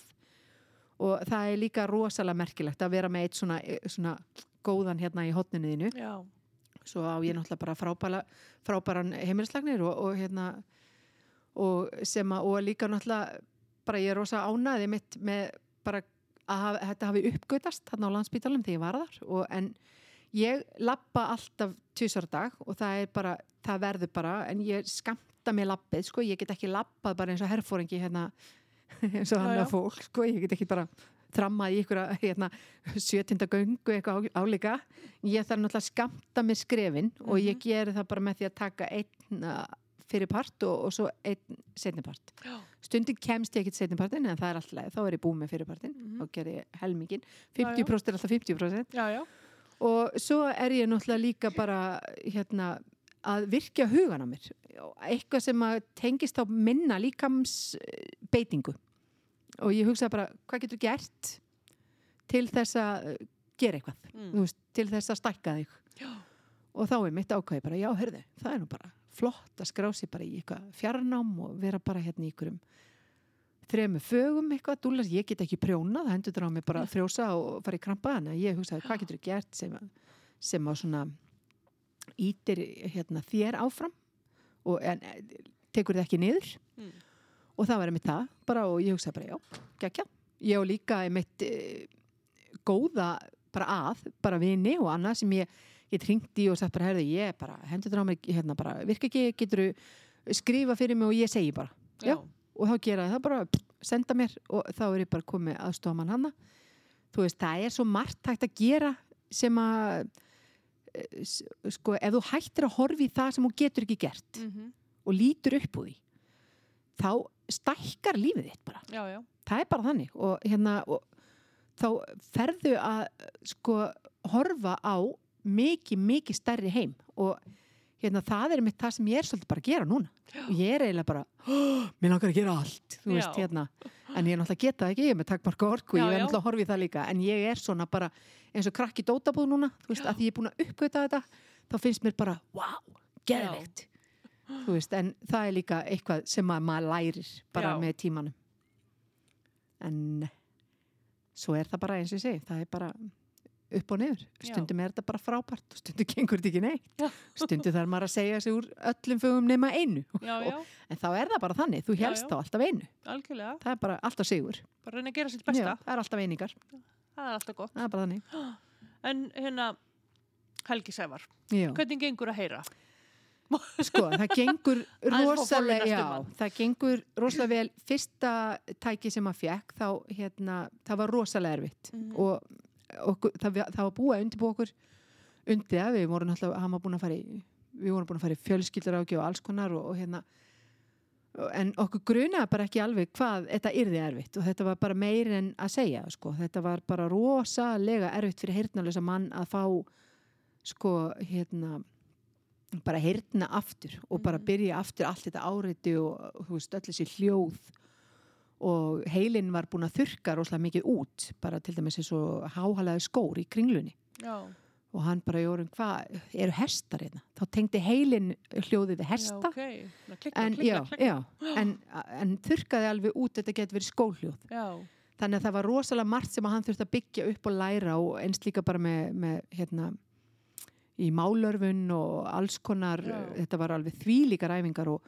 tók alveg þvílíkt á hann og svo var náttúrulega rosalega bara átt að líka bara svolítið við kerfi að fá mitt tæki á eira nummer tvö þegar Já. að heyrnin fór alveg þar. Og það, þá var bara önnu barátta og það er einmitt svolítið svona það er bara sér kapitali úti fyrir sig að því að þetta er rosalega skrítið að ríki geti um, hugsanlega ef, ef maður setur þetta í ykkur myndlíkingu rétt mannesku eina hækju mhm, og segir bara nei, ég hérna ætla ekki að gefa þið tvær þú, þú, það er bara nóg að við gefum þér eina. Já, nú, en ég þarf að fara eitthvað skilu, Mm. þú kemst ekki neitt. Og þetta var svona álíka. Og hérna, og hérna einu sinni var ég búin að plana það að fara til systemennar til Norex og, og svo var þetta eina tæki sem að held svolítið hans samskiptum á floti bæði við vini sína og aðra þá, þá bilaði það. Og hérna ég var á leiðin í flug og hérna það var allt lokað, það var, það var páska hérna hátíð. Mm, og hérna hérna á talmennastöðum bara í lás. Mm. og hérna ég bara, við bara guðminn góður, hvað?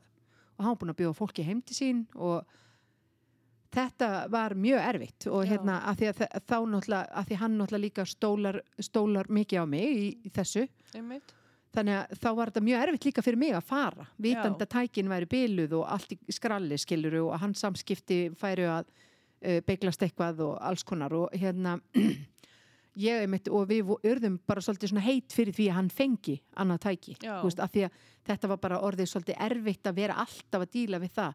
Og þetta er mjög viðkvæm tæki fyrir raka og raki á Íslandi er náttúrulega bara já, já, gífurlegur, skilu þannig að við erum bara stöðugt í rigningu eða snjókomu eða eitthvað álíka og hann náttúrulega líka vildi verið líkamsagt og, og hann, hún er langað að hjóla og alls Mm. konar og, og þá var náttúrulega raki að koma út frá svita og alls konar og þetta er bara rosalega viðkvæmt. Já, og, hérna, en ígraslan sjálf sem er inni í sérst, höfukúpunni, hún náttúrulega verður ekkit fyrir neinu njaski þannig. Nei, en aðalatrið er náttúrulega bara áhættan á aðgerðinni að þú bara lamist, missi bræðskinn og alls Já. konar og, og það gerist reyndar í setni aðgerðinni. Já, en hann, sko, svo fær hann þetta tæki eftir ákveðna baráttu hérna og Mhm. hann fær nýjan hernalagnir sem heitir Eva og hún er sko, eins og ég segi, stundum er fólk bara Já, já. sendt til manns og hún var þannig engill og, og Ólafur í mitt hálsnef og hernalagnir þau tvö bara börðust bara mjög mikið fyrir þessu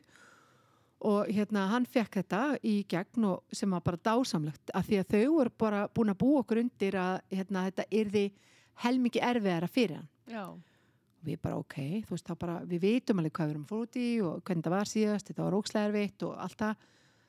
En það er bara búið að skjóta fram úr hinum tækjunum og Ok. það, þau eru bara að hissa. Þau bara herði halló.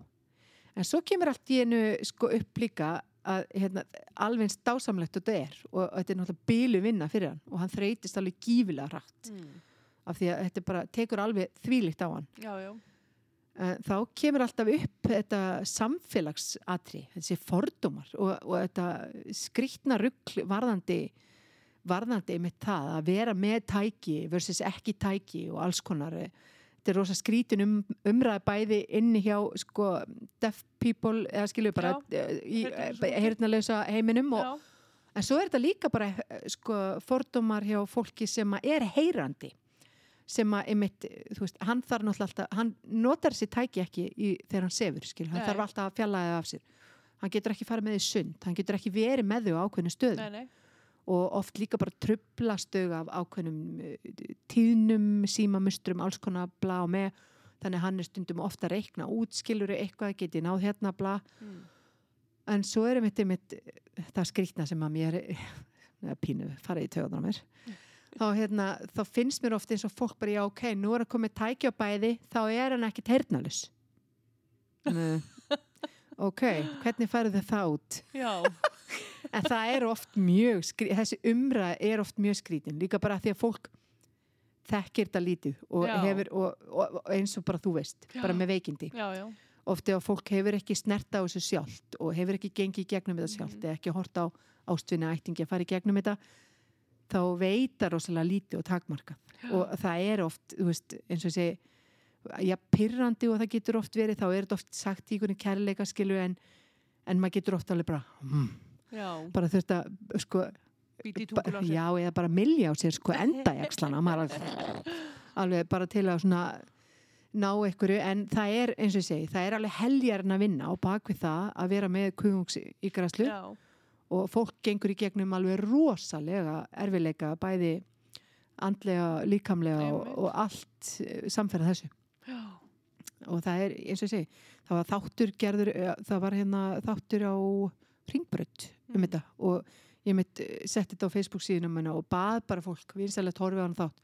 Bara, líka bara til að vika eins út sjóntildarhingin og sjá bara hvað fólk er að díla við. Einmitt. Og því að mér finnst oft líka bara merkilegt ekki halda því endilega alltaf við það sem þú þekkir og veist. Já, farðu frekar og, og út í það að skoða það sem þú veist ekkert um og þekkir ekki neitt. Einmitt.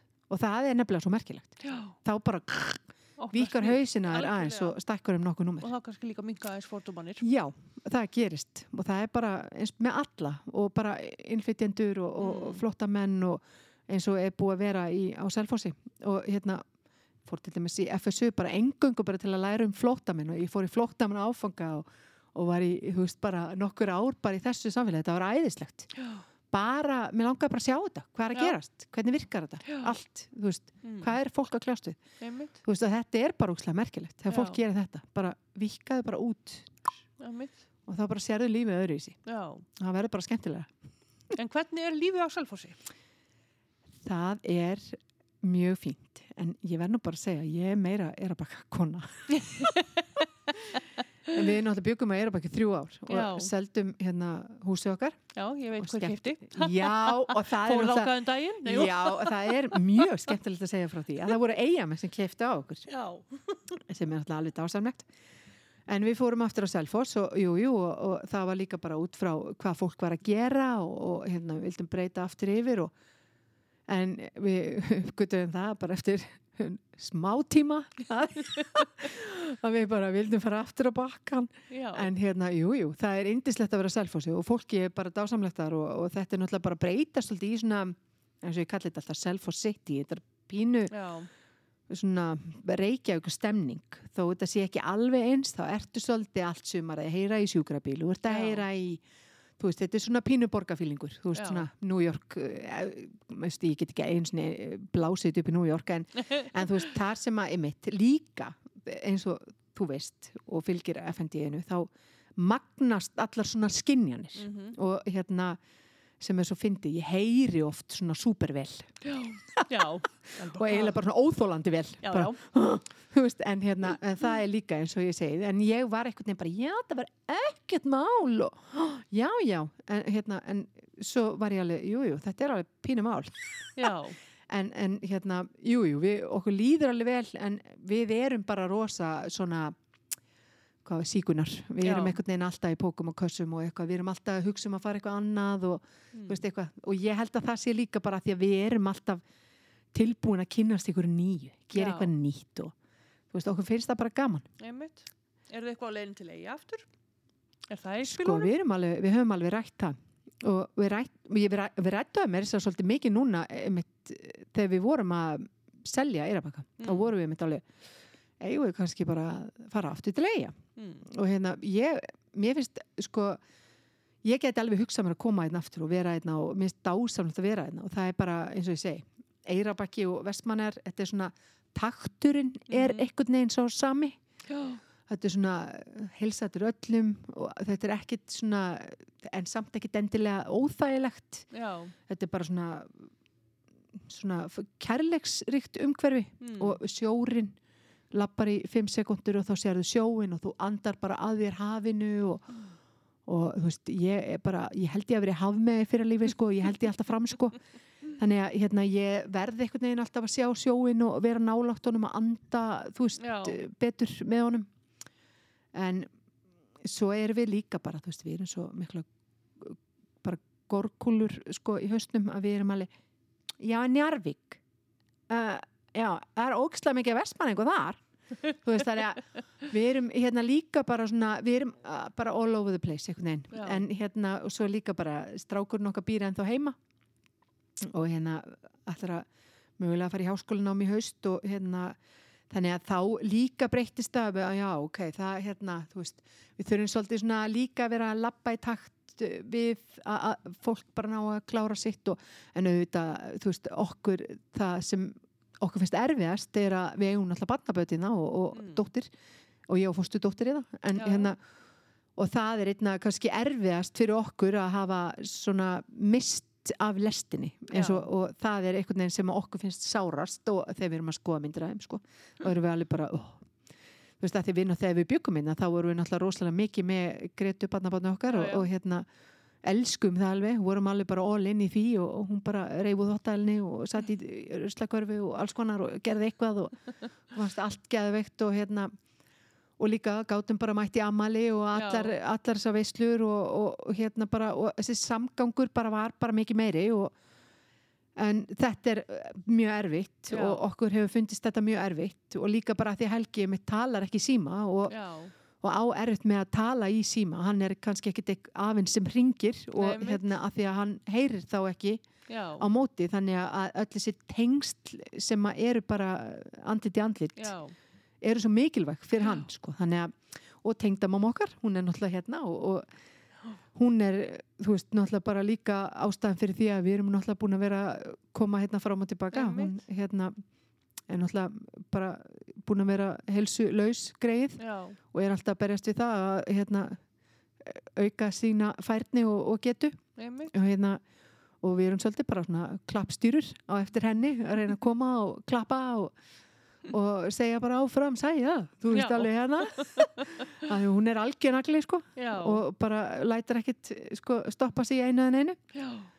og þannig að hérna, jú, jú, þetta, þetta hefur allt, við erum mjög mikið og hugsa mjög mikið um þetta en svo erum við líka náttúrulega alltaf að hugsa skilur við verðum náttúrulega líka að lappa svolítið með yngsta Já. og halda honum svolítið á flotti ef hann vil klára eitthvað og, og hérna þannig að, jú, jú, þetta hefur allt áhrif en þá er þetta líka bara minna, mér finnst ekkert mála að skella mér í herjóf Já. ég hef aldrei verið þessi típa sem eh, ég var í fimm klukkutími í herjóli skilu núna til að komast og ég var bara, já, já mér fannst þetta nánast að fyndi alla leiðina sko, en, jú, en samt sko þegar ég, en þegar ég leita ölduhæðina og hún var alveg 5,3 eitthvað þá var alveg, jésus fjóran, hvað er þetta pæla en jú, jú, ég er alveg tilbúin til að gera þetta allt til að stökkva yfir og, og sjá allt fólkið mitt og einmitt Já. ættbólkin minn Já. og það er bara, þú veist, það mér finnst þetta bara svo lítið mál.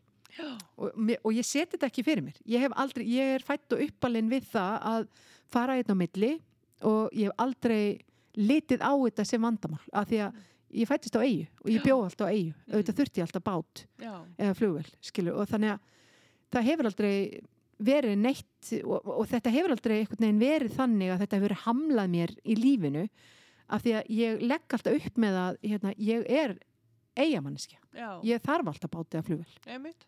Þannig að það skiptir engum máli hvort ég er í hálftíma, þrjátíma Já. það breytir mig engum máli, Nei. ég kemst alltaf á leiðaranda þú veist, það er bara það sem er. Og ég nenn ekki að eyða orku í svona herjólstuð það er, ef- víst, ég alveg talað. Ég, og, ég, og ég er oft svona ef að fólk myndi kannski líka bara svona kannski bara takmarka, takmarka herjólstöði sitt. Við kannski eitthvað sem væri væri eðlilegt að töði yfir fattaru, Mhm. kannski eins og bara aðgengi sjúkraklefan eða eitthvað svona. En ekki kannski uh, sjólag, þetta er eitthvað sem að eru ytri aðstaf við, við ráðum ekkert við það. Ég ræði ekki við það ef það er rigning. Nei, veist, eins og ég talaði um áðan. Og það er bara eitthvað sem að já, þetta er bara svona. Já. ef ég er í fimm tími herjáli, þá er ég bara í fimm tími herjáli ég komst á leiðarenda. Já. og það er bara, gerist ekki já. Það var bara dásamlegt. Já.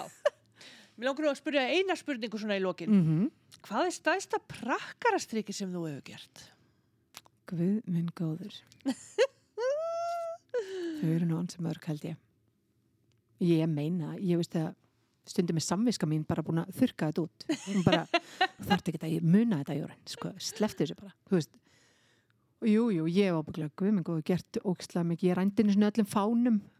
Og guð er ég að segja þetta bara Jésús, ok, ég er búin að segja þetta. En ok, ég fór eitthvað tíman í ykkurum grallaraskap með vinkonum mínum og ég var ekki komið í bílpróf og hérna við vorum alltaf rúndandi og á einhverjum drastlbíl og okkur fannst það ekkert mál að vera með tvo lítra, þú veist, af hérna, já, fjóra lítra eiginlega af vassflöskum, sko, að því að vass, ég man ekki hvernig hann var alltaf, já, hann var alltaf eitthvað. Líka. að einhvern veginn alltaf bara var alveg reykur og við sáum bara ekki neitt og þá bara ok, þurfum að stoppa og fylla á vatnið og allt að gerast og eitthvað, en svo datt okkur ókslega mikið í hug bara, herðu, ókislega flottir sér fánar hérna á þósvellin við verðum að eiga á. Hvað, hvað, rugl, hvað er þetta bara, þú veist það er einhvern stóran feitan reikning frá félagi þós eða eitthvað og við bara rifum niður alla fánana og svo bara brauti og svo smeklaði saman og sett á í beautyboxi sem ég fekk í fermingugjöf og ég held bara enginn myndi komast að þessu. Og svo var náttúrulega mamma hún var alltaf að tjók hvort ég væri mitt byrja að reykja, byrja að gera eitthvað hvort ég væri að gera eitthvað ólöglegt og hún var alltaf að nýsast í herbyggina því ég náttúrulega let ekkert uppi ég bara það er eins og steinn ég var bara, hm, fær aldrei að vita neitt. Og hún fann leikilinn á beautyboxinu og dregur upp hvert fálan og fætur öðrum. Hvað ertu búin að gera Jóra Lilja? Ég bara ég þetta var bara, þetta fauk og, og kom bara einhver ömuleg afsökun.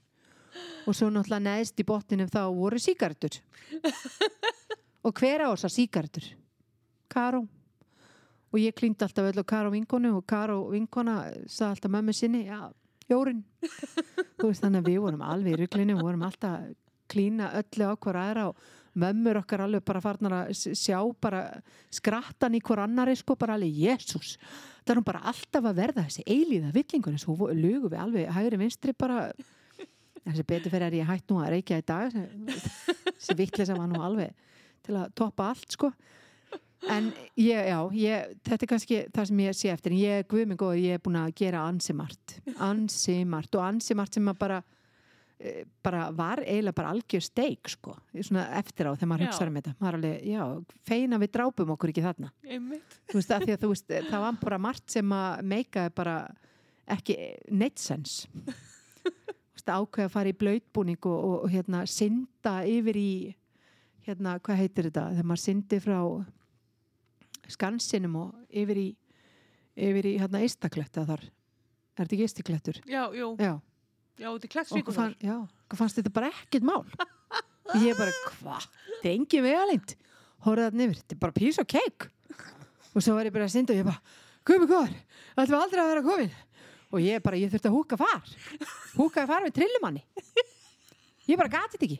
Bara Jesus Christ en svona, þessar hugmyndir skilu Þú veist, ég er bara léttilega geta drefist að sko, á leðinni Þú veist, ég var alveg búinn. Og hann bara dróð mig í land bara upp í trilluna bara, þú veist, það var eitthvað að veiða og ganga frá veiðaverðum, þú dróð hann bara mig í ykkur blöðbúin, bara alveg búinn. En svona er þetta í Vestmannu skilu, þegar ég bjóð í búhamarinum og ég nefndi ekki að lappa og húkaði bara bíl, stundu var það bara löggan. Og ég bara fekk fara neyrt en þetta er svo vinalegt. Þetta er svo kósi. Svo bara bladra ég alla leiðina um hvað Já. ég var að fara að gera og hvað ég var að fara að Já. þetta var bara svo dásanlegt skilu en þetta, þetta er ekta vestmanni þetta er Já. svo, þú veist, mann dettur bara eitthvað svona ruggl í hug og endilega, mitt ekkert endilega í þú veist, maður, meiri parti maður bara blá eitru að gera þetta sko Já. sem er náttúrulega bara rugglaðast í heimi en eins og ég segi, það var ímislegt gert og bara brallað Já. Og svo vorum við náttúrulega líka í Dr. Sála þegar ég var í hljónsitt, þá vorum við náttúrulega bara okkur dætt líka ímislegt í hug þar og það var einmitt ansi margt sem var gert sem var bara nánast eða bara á ekki vera til á neinu prenti eða, eða, podcasti eða neinstað sko, og, og Viktor Rakari mann það náttúrulega með mér og við vitum náttúrulega af öllum þessum vittlisum sem við gerðum og við lítum alltaf svona pínu á hvort annað bara vitum alveg við erum með móraliði mörgu Já. Hefðum kannski eitt átt að skilja píano eftir hérna og allt rastlu hann í og titi og eða kasta öllum þessum glerflöskum í betel í ljósa já ég meina þú veist alls konar en hérna þú veist það var ímislegt sem gerðist.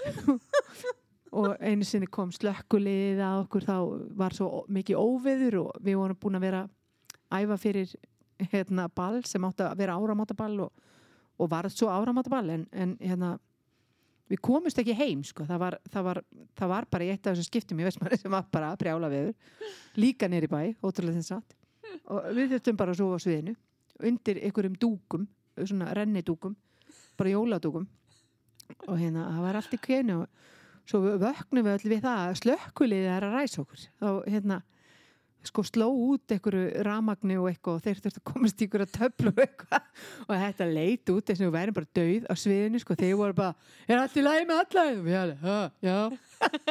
En þetta var svona alls konar og þú veist, ég, ég minna, maður gerði alls konar og svo líka þegar maður hugsaði tilbaka þú veist, þá var ég ung ég byrjaði ung að syngja og þú veist, í dag hefði mamma verið svo kærð fyrir barnaðandanemnd, skilu, ég var bara haldið upp í heili böllanum bara 16 ára, bara wú, bara með Dr. Sála og, og allir bara að djamma og, og ég bara undir lögaldri og engin að pæli þessu skilu margt líka sem að einmitt, það eru svo margar reglur í dag sem að voru bara ekkert þegar ég var að alast upp þannig að, þú, þannig að það líka gerði þetta kannski meira svona að ykkur æfintýri og meira frelsi Já. Og við erum kannski meira svona römmu og regluð inn í dag skil og við erum meira svona oh my god, hvað er hann að gera þarna eftir tíu, veist, en ég meina svo er þetta kannski ekkert sem drefur neitt skilu, en uh, þetta þurfi alltaf að vera með einhver reglur, en þú veist, þarna var bara rosa mikið frelsi. Já. og bara uppeldi á okkur var alltaf öðruvísi heldur en er í dag. Og, og maður sé það líka hvað þetta gagnast líka eins og, eins og bara sinni mínum og jafnöldrum hans og öllu, öllu, bara öllu fólkinu sem ég er hitt í leikfélaginu. Þetta er svo, þetta er svo ótrúlega mikið með allt einhvern veginn saman í höfðinu. Ég var svo bara all over the place. Svo eru þau bara eins og mamma mín og pappi bara, herðu, Jórun, hérna eigum við að, þessu kurteis. Og maður, ég bara, wow, ekki bara ég svona ég var ung, bara Jesus ég var bara að læra þetta sko þegar ég var þrítug en þú veist, þau eru bara eitthvað svo heil og svo heilstift og, og líka bara varandi sjálfa sig Mhm. varandi líka svona sjálfsmatið sitt hvað þau vilja, hvað þau vilja gera. Þau eru úslega stefnuföst þau vita hvert þau vilja fara. Og þetta vantaði líka bara svolítið í okkur að því að reglurnar voru engar. Já. þannig að þá var hausin okkur líka bara út um allt þú veist, við vorum ekkert mótuð við vorum ekkert, það var enginn á leiðinni neitt nema bara, þú veist, í fiskinni eða eitthvað, þú veist, Já. bara á næstu vertið Mm. og hugsunin okkar bara einhvern veginn náðaldrei yfir neitt nema bara daginn á morgun. En í dag krakkar bara, þú veist, já svo þarna 2000, og- þú veist, þarna og þá bara ætla ég að gera þetta. Og maður alveg wow þú veist, ég bara, Jesus, wow, hann er bara með þetta allt bara together en hérna, ég, ég dáist að þessu og mér finnst þetta bara eitthvað sem að ég, ég hefði viljað fá aðeins af þessu Já. stundum, þegar ég horfi á þessa krakka þá er ég alveg bara, ég döð öfmyndaði stundum ég bara, oh, ég hefði viljað þetta veist, því að þetta er þetta hefði líka kannski um, svona ákvarðað um, leiðina manns í lífinu Mm. meira en svo er líka annað að, að Ísland og bara Íslendingar eru líka að verða bara meira svona andlega þingjandi Mhm. og maður tekur bara eftir því bara allstar, öllum auglýsingum þá er verið að uh, uh, hérna, konta kæla og ekki væla, eitthvað hvað sem þetta heitir og, og núvitita námskeið og jókað og, og heimsbyggi og allt þetta og, og það er svona mikið meiri vitt einhvern veginn í allir hugsun í dag sem að mér finnst líka einkenna svolítið svona og, og er eiginlega bara svona öfunnsvert finnst mér að vera alast upp í einmitt allir sér vitt Já. sem ég finnst bara gagna stókslega mikið núna krökkum. Mikið meira rætt um lesblindu og, og hérna ADHD og alls konar hluti sem að líka bara eru bara alltaf eins og eitthvað fella fyrir fólk. Sem að þú veist það er alltaf eitthvað með spýtuna að fella þig. Já. og hérna og í dag þá finnst mér þetta svona meiri og það er mikið meira svona umbralindi og kærleikur í kringum það, þú veist, ok, já, ertu, já, ok, ekkert mál. Þá bara söpnustu saman og við bara gerum eitthvað öðruvísi, við bara lesum þetta saman upp og eitthvað. Þú veist, það Já. er mikið, mikið meira svona hópefli. Já. þú veist, ef að þú kemst ekki þá kemst ég ekki, við gerum þetta saman. Já. þú veist, og minnst það enkenna líka bara ókslega mikið samfélagi í dag. Minnst það aðeinslegt, ég bara elska það. Hmm. mm Ég var að hafa þetta loka orðin. Ég Já. bara elska það. Já, ég bara, ég bara elska hann, ég elska ykkur öll. Nei, já, í alveg, ég er bara svona, Já. já, jú, ég er alveg, alveg til í það. Já. Þetta var bara frábært spjall. Já, takk kærlega fyrir að koma. Já, takk fyrir bara. Kanski fáum við að spjalla við þig til að setja. Já, Aldrei að mál. vita. Já, Ha. herru, takk fyrir þetta. Bara takk fyrir Jóru mín. Já, bye bye. Bye. Að þessu sinni ætlum við að hlusta á hljóðupptöku þar sem að Þorsteinn Þórður Vílundsson les grein sem hann ritaði og byrtist í Blik árið 1967. Blik var blað Málfundafélags Gagfræðaskólans í Vestmannegjum. Greinin ber nafnið Bernsku minningar. Þetta sögubrót er í bóði bókasaps Vestmanneja. Hægt er að afla sér nánari upplýsinga um Þorsteinn og Blik á heimaslóð.is. Þessa grein kalla ég bensku minningar. Einhvern veginn lagðist það í fóstra minn að fisku myndi ganga snemma þetta vor. Hann fór því árla vorsins að hugsa til róðura. Í sólskinin og blíðunni let hann mig, smá strákin, dunda við að skafa bátinn sinn síldina. þar sem hann kvaldi á tveim gildum reka trjám milli beitu skúrana ofan við strandvegin. Síldin var þryggjamanna far, fallegur færingur sem fóstri minn hafði keift af færingum haustið áður. Þegar þið heldu heim frá sumar dvöl sinn í kauftúninu. Ég skóf eftir getu gamlu tjöruna með þrýhundu bátasköfinni svo að svitin rann í sólar hítanum og lotnum mollunni. Til hlökkunin glætti vinnu viljan og aðtapna gleðina eftir langan vetur, viljóttan og snjóðungan. Þegar farið var að róa vorin breyttist öll tilvera okkar strákana. Starfferð dag með tilbreyðum og tilbreytingum, nýtt líf færðist í kauftúnið ef eitthvað aflaðist. Og ég held líka löngunni nýjan fisk og lifur eftir tróð og bútungsátið allan. Veturinn hefði átt sinn þátt í að glæða vinnuviljan og aðnalla þrána. Þegar ég hafði skafið síldina utan stafn á milli, kjargaði fóstri minn hana úr rátjöru nema efsta borðið og hástokkana sem var málað. Næsta dag var bátnum kvort upp og svo ég gæti skafið hann innan og hreinsað. Fóstur minn hafði ráðið tvo nágrana sína til að róa með sér um vorið þar til sunnlendingarnir kæmi austur svo að hann fengi þá rána á hásið á bátinn sinn. Þegar fóstur minn kom að, hafði ég gaman af að kasta upp úr bátnum kóðunum og stútungunum, henni stærri drættir voru mér ofur efli á þessu aldur skeiði. Er sjómennir hafðu matast, tóku þeirri til að gera að aflanum, annar hásittin hausaði, hinn rýst á kviðin og sleit inniblinn úr fiskinum, en fóstur minn flatti og aftasti hjálpaði fóstra mín til við aðgerðina. Flatt hún þá með fóstra mínu þar til hann tók að salta, þá flatt hún einn. Allur stútungur eða undir málsu fiskur, stittin átjánsumlungar, var flattur í vorð, það er rist var til hliðar út úr miðri stiflu þegar flatt var. Sá fiskur var lítið þurkaður og aldrei himndregin.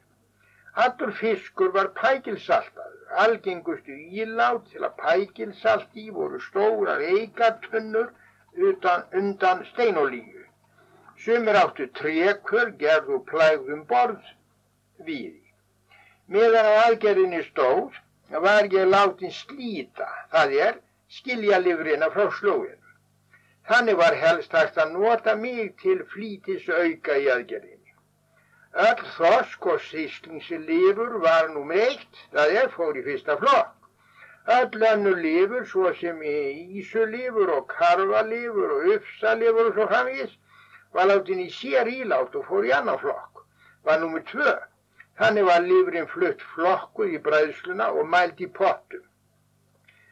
Geti var síðan um pottatölulifrarinnar þegar að fréttir af afla af árabátana voru sagða manna milli. Einni var stundum tekið fram hvað formáðu básins en, en árabáturum var ávalt við hann kentur hafði fengið mörg rúm af fiski. Í venjulegu þryggjamanna fari þrjára ára á borð voru þessi rúm. Skutur, austurrúm, miðrúm, framrúm andonsrúm kompa og barki. Venjulega var fiskurinn fyrst látin í miðrúmið með bjóðun í sköt lág báturinn þá vel.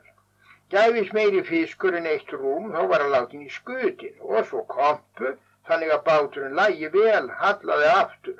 Gekka þá betur undir árum og austur rann til austur rúmsins svo að hægara var að auðsa.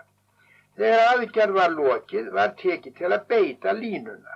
Þá reyndi fóstir minn að nota mig til þess að reykja upp hjá sér. Ég stóð þá í hlið hans á bjóði eða kassa til þess að ná sæmilega upp í línu haugin. Ekki var mér trúa til að skera slitna tauma af línu ásnum svona fyrst í stað því óttast var að ég skæri sjálfan ásinn. Meðan fóstrimenn var ókomin að á morgnan eða daginn þá var það starf mitt að fara með lifurina úr uh, róðurinnum daginn áður.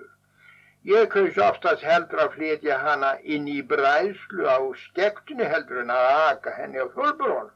Leiðin láinn með fjardarstrandinni, gaman var að vera á sjónum og róa. Það var líka ólít kartmannlegra starf, ekki hólpur og axtur fannst mér. Ég og bræðslumadurinn Jónas Ganni Mattiasson vorum góðu kunningjar. Það var nágranni minn, margan lísi sopan drakki hjá honum þegar ég færði honum livrina. Um skeið átti ég sérstakann botla hjá honum sem ég drakk úr lísi. Stundu var hann hálfur, stundu var minni honum, alveg eftir lístminni hverju sinni. Þetta blessa vor leið fljótt því að blíðskapar viður var hver dag og afli næjúr. Svo var von á botníu að sunnan með sjóminnan og allt í hittu sunnlenska fólki sem leitaði sér atvinni fyrir austan á sumrin við framlýslu störf þar. Það var fagursunnu frjast hafði að botníu færi væntalegum kvöld. Væri væntalegum kvöldi, ég fór í kirkju með fóstra mínum eftir hádegi. Hann gerði það fyrir mig að setja upp á loft í kirkjunni innst við rimlana. Þar kaus ég með helsæti því að þaðan gat ég séð til dýranna, séð hitt í kirkjufólki koma inn um kirkjudyrnar, aðtuga fas þess og för. Þaðan gat ég líka séð hana sigur litla sæbúli ef hún kom til kirkju sem hún gerði nú æðu oft með henni mömmu sinni. Ekki vissi ég eiginlega hvernig á því stóð að ég hafði mest ána ég var að sjá hana af öllu stelpunum í kryptungin. Þetta var þá erindin mitt í kirkjuna. Það sagði ég ekki fóstra mínum. En þessi þegar messu var lokið og við gengum frá kirkju, þá vildi fóstur minn skreppa út fyrir kvébólslækin út í uh, kilaskúrana. Þar bjó einsettu kall, Þorkjallan nafni, hann var færingur. Hafði, hafði búið þarna í skúrónum meðan neðaði melin mörg á stundum árabáða útgerð eða leikt sunnlendingum og færingum verbúðarúmi á sumrin þeim sem sjálfur gerði út. Keli gamli, það var hann oftast nefndur, var jafnan gladur í bragði, fróður og ræðin og margir höfð því gaman að heimsækja gamla mannin og stegræða við hann um heim og geima. Ég minnist þess að hún var mjög í nöfið presta, sérstaklega var hún að lítið um floknaprestin fannst mér. Svo hugmynd leindist hjá mér að ástæðurna fyrir óvild þessari væru vískiptalegs eðlist. Þorkett færingur mun hafa selt presti vorðaransinn þegar prestur stundaði fiskkaup á njus eirinni og líklega þótt presturum og af mannlegur í þeim viðskiptum. Kili gamli bað fóstra minn að segja sér nú eitthvað úr ræðunum daginn. Jú, það gæt hann gert. Prestur hafði flutt aðtillisverða ræðu taldi fóstrimi. Hann hafði með annars ámynd sóknarbörn sínum heiðarleiki í orðum og aðtöfnum. Heiminu fór æg vestlandi hafði hann sagt og allt viðskiptalífi er því stöðugt svorugra og æg meir læfi blandið. Til dæmis um það hvað prestur hafa lána manni þar í kauptúnin 100 krónur fyrir nokkrum árum og ógreitar væruður enn þrátt fyrir margar innheimtu aðlögur. Þegar hér var komið frásögn fóstar míns er mér keli gamli sérstaklega minnistæður. Það var Satan snakklættur á húminu sínu yfir breyttu bregáni hafði hann auðsjálega leigið upp í því öðru hverjum daginn. Feitlægin var að nokkuð og grár fyrir hægur, ennið hátt en hár löst upp á skalla, nefið digurt og granstæði vítt. Augabrúnir miklar úpnar, mundtópast haumatir leindust ekki í gráum skeggbroddunum. Nú hlóðan verulegan karla hlátt með galopin munnin, svo að við blöstu skorð og skjaldar tópast tennur. Stinnir skeggbrotarnir á hökunni vistust mér hlæja með þar sem að þeir tegðist út í tilvöruna þegar karnin lyfti höku við láturinn. Ó, forbann á að lúsa groppurinn, sagði hann. Það er ekk, það er ekkan mænar. Og svo sagði hann okkur frá því að prestur hefði lánað honum hundra krónu fyrir þreymur árum. Skum kergu og stríni hefði hann haft að ánægja að draga prest á greiðslunni. Svo þróskast við að greiða skuldina. Nú hvaðst hann með ána, við gildi gera það. Næsta dag, fyrir prestur hefði tekið það ráða krefjana, krefjana úr stólnum. Þá heyrði skipt píp, botni var komin með söndingana, það var uppi fótur og fít í köttuninu, skipið hafði komið fyrir nætlavar, allur fréttaflutningur, ónákvæmur og háður þessu hérum býr. Við fóstriminn býðum ekki bóðana, heim þurftum við til þess að skiptum föt, enginn svældi í kirkjuklæðum í bát og það skipum það e, því að enginn var þá skipbryggjan í köttuninu og þegar við komum út af skipinu já það komið fjöldi árabát að síðunni þar sem stígin hekk við bundum skektun okkar í aðra skektu og verðum að ganga yfir tvætið hjá báta til þess að ná í skipstiga á þilfari voru þegar margir sveitungur okkar að ráða til sín sjómenn og landfólk Sumt fólki var ráðið áður en austur kom, aðri réðust á skýrsfjör. Sumir sunnendingarnir gerðu sjálfur út. Ég man vel eftir einni básöfninni sem leiði verið búið í kjellaskúrunu þetta sömar. Mér var starfsýnd að það kalla í þilfæri skipsins. Formaður var Stjáni Blái, hann hafði dvalið í kauftúninu fyrr var kunnur að dugnað og sjómennsku, en einnig fyrir það að láta hann hefa sem ég sátt þegar hann fann ásýnku. Ásetta stjána voru þeir sæmundu sífulli og ottu sterkar skagan. Lauga lauskipta var verbúðaráskona hjá þeim. Ef til vil hétu nú eitthvað annað en við nefni bar hún við sanni, það sá ég oft og mann. Hóstið með fórum þilfar og lesta skipsins til þess að hafa tala voru ánum sjómannum því að þá var Ísland verkaflögt, fólku flytt í lestu millir landsfjörðaga eins og skeppnur Útlendingar önnuðs mest alla þá flutninga og höfðu drúa tekjur af. Ég minnist glögglega hvernig umhors var í lestinni. En það var það nú ekki síðasta sim sem ég kom í skipsilestir þar sem að verka fólk til lands og sjávar hafist við á leið til aðtunnu leitar á Ísturlandi á mínum bensku og æsku árum. Þetta var aðeins í fyrsta skiptið. Við gengum niður lausan stega, eins konar utan húsi stega sem var svo bundin í efri endan með kalli hjartlikkur í lestarkarminu. Og þegar niður í lestina kom blasti við fremur ömulug sjón. Sangur flett fórum alla lestargolfi miklu súða. Kofort og kassar eða matar skrínur stóðu flestar flatt sangurnar. Víða voru kofortin og kassarnir látnir halda að sangurfötunum og móta legurúmið. Hvem fólk og kalla hvaðu mannar hafðist þarna við. Oft heyrði ég það nú haft á orði að lesta líf þetta einkendis með annars að sukki og ólifnaði. Drikkjuskapur karlmanna mun oft hafa verið mikill á ferðum þessum og ónæði mikill og anstur af þess völdum. En drikkjuskapur hvem fólks heyrði ég aldrei neitt. Umhverfið allt fannst mér ömulega fátaklegt. Út í einu lestarhorninu rorraði öðvaður maður og hvað klámvísur raust. Síðan uh, kunnar vísur í uh, fjörðunum þreistra. Svo bölvaði hann norrfyrði hvaðst hafa, hvaðst hann hata hann svo innilega að hann færi ekki upp úr lestinni svo að hann sæ ekki þá satans öskustó. Hann hvaðst verða í vopnafyrðum sömari. Við strákarnir þekktum þennan mann. Hann hafði verið á norrfyrði mikil drikkjumadur, nafninu hef ég glemt. Á þennan botni ég fór hafði fósti mér ráði til sín tvo sjómenn annan upp á fullt kaup en hinn upp á hálfa hlut og hálft kaup. En hver hálft mannakaupu var þá, man ég ekki því síður hluti.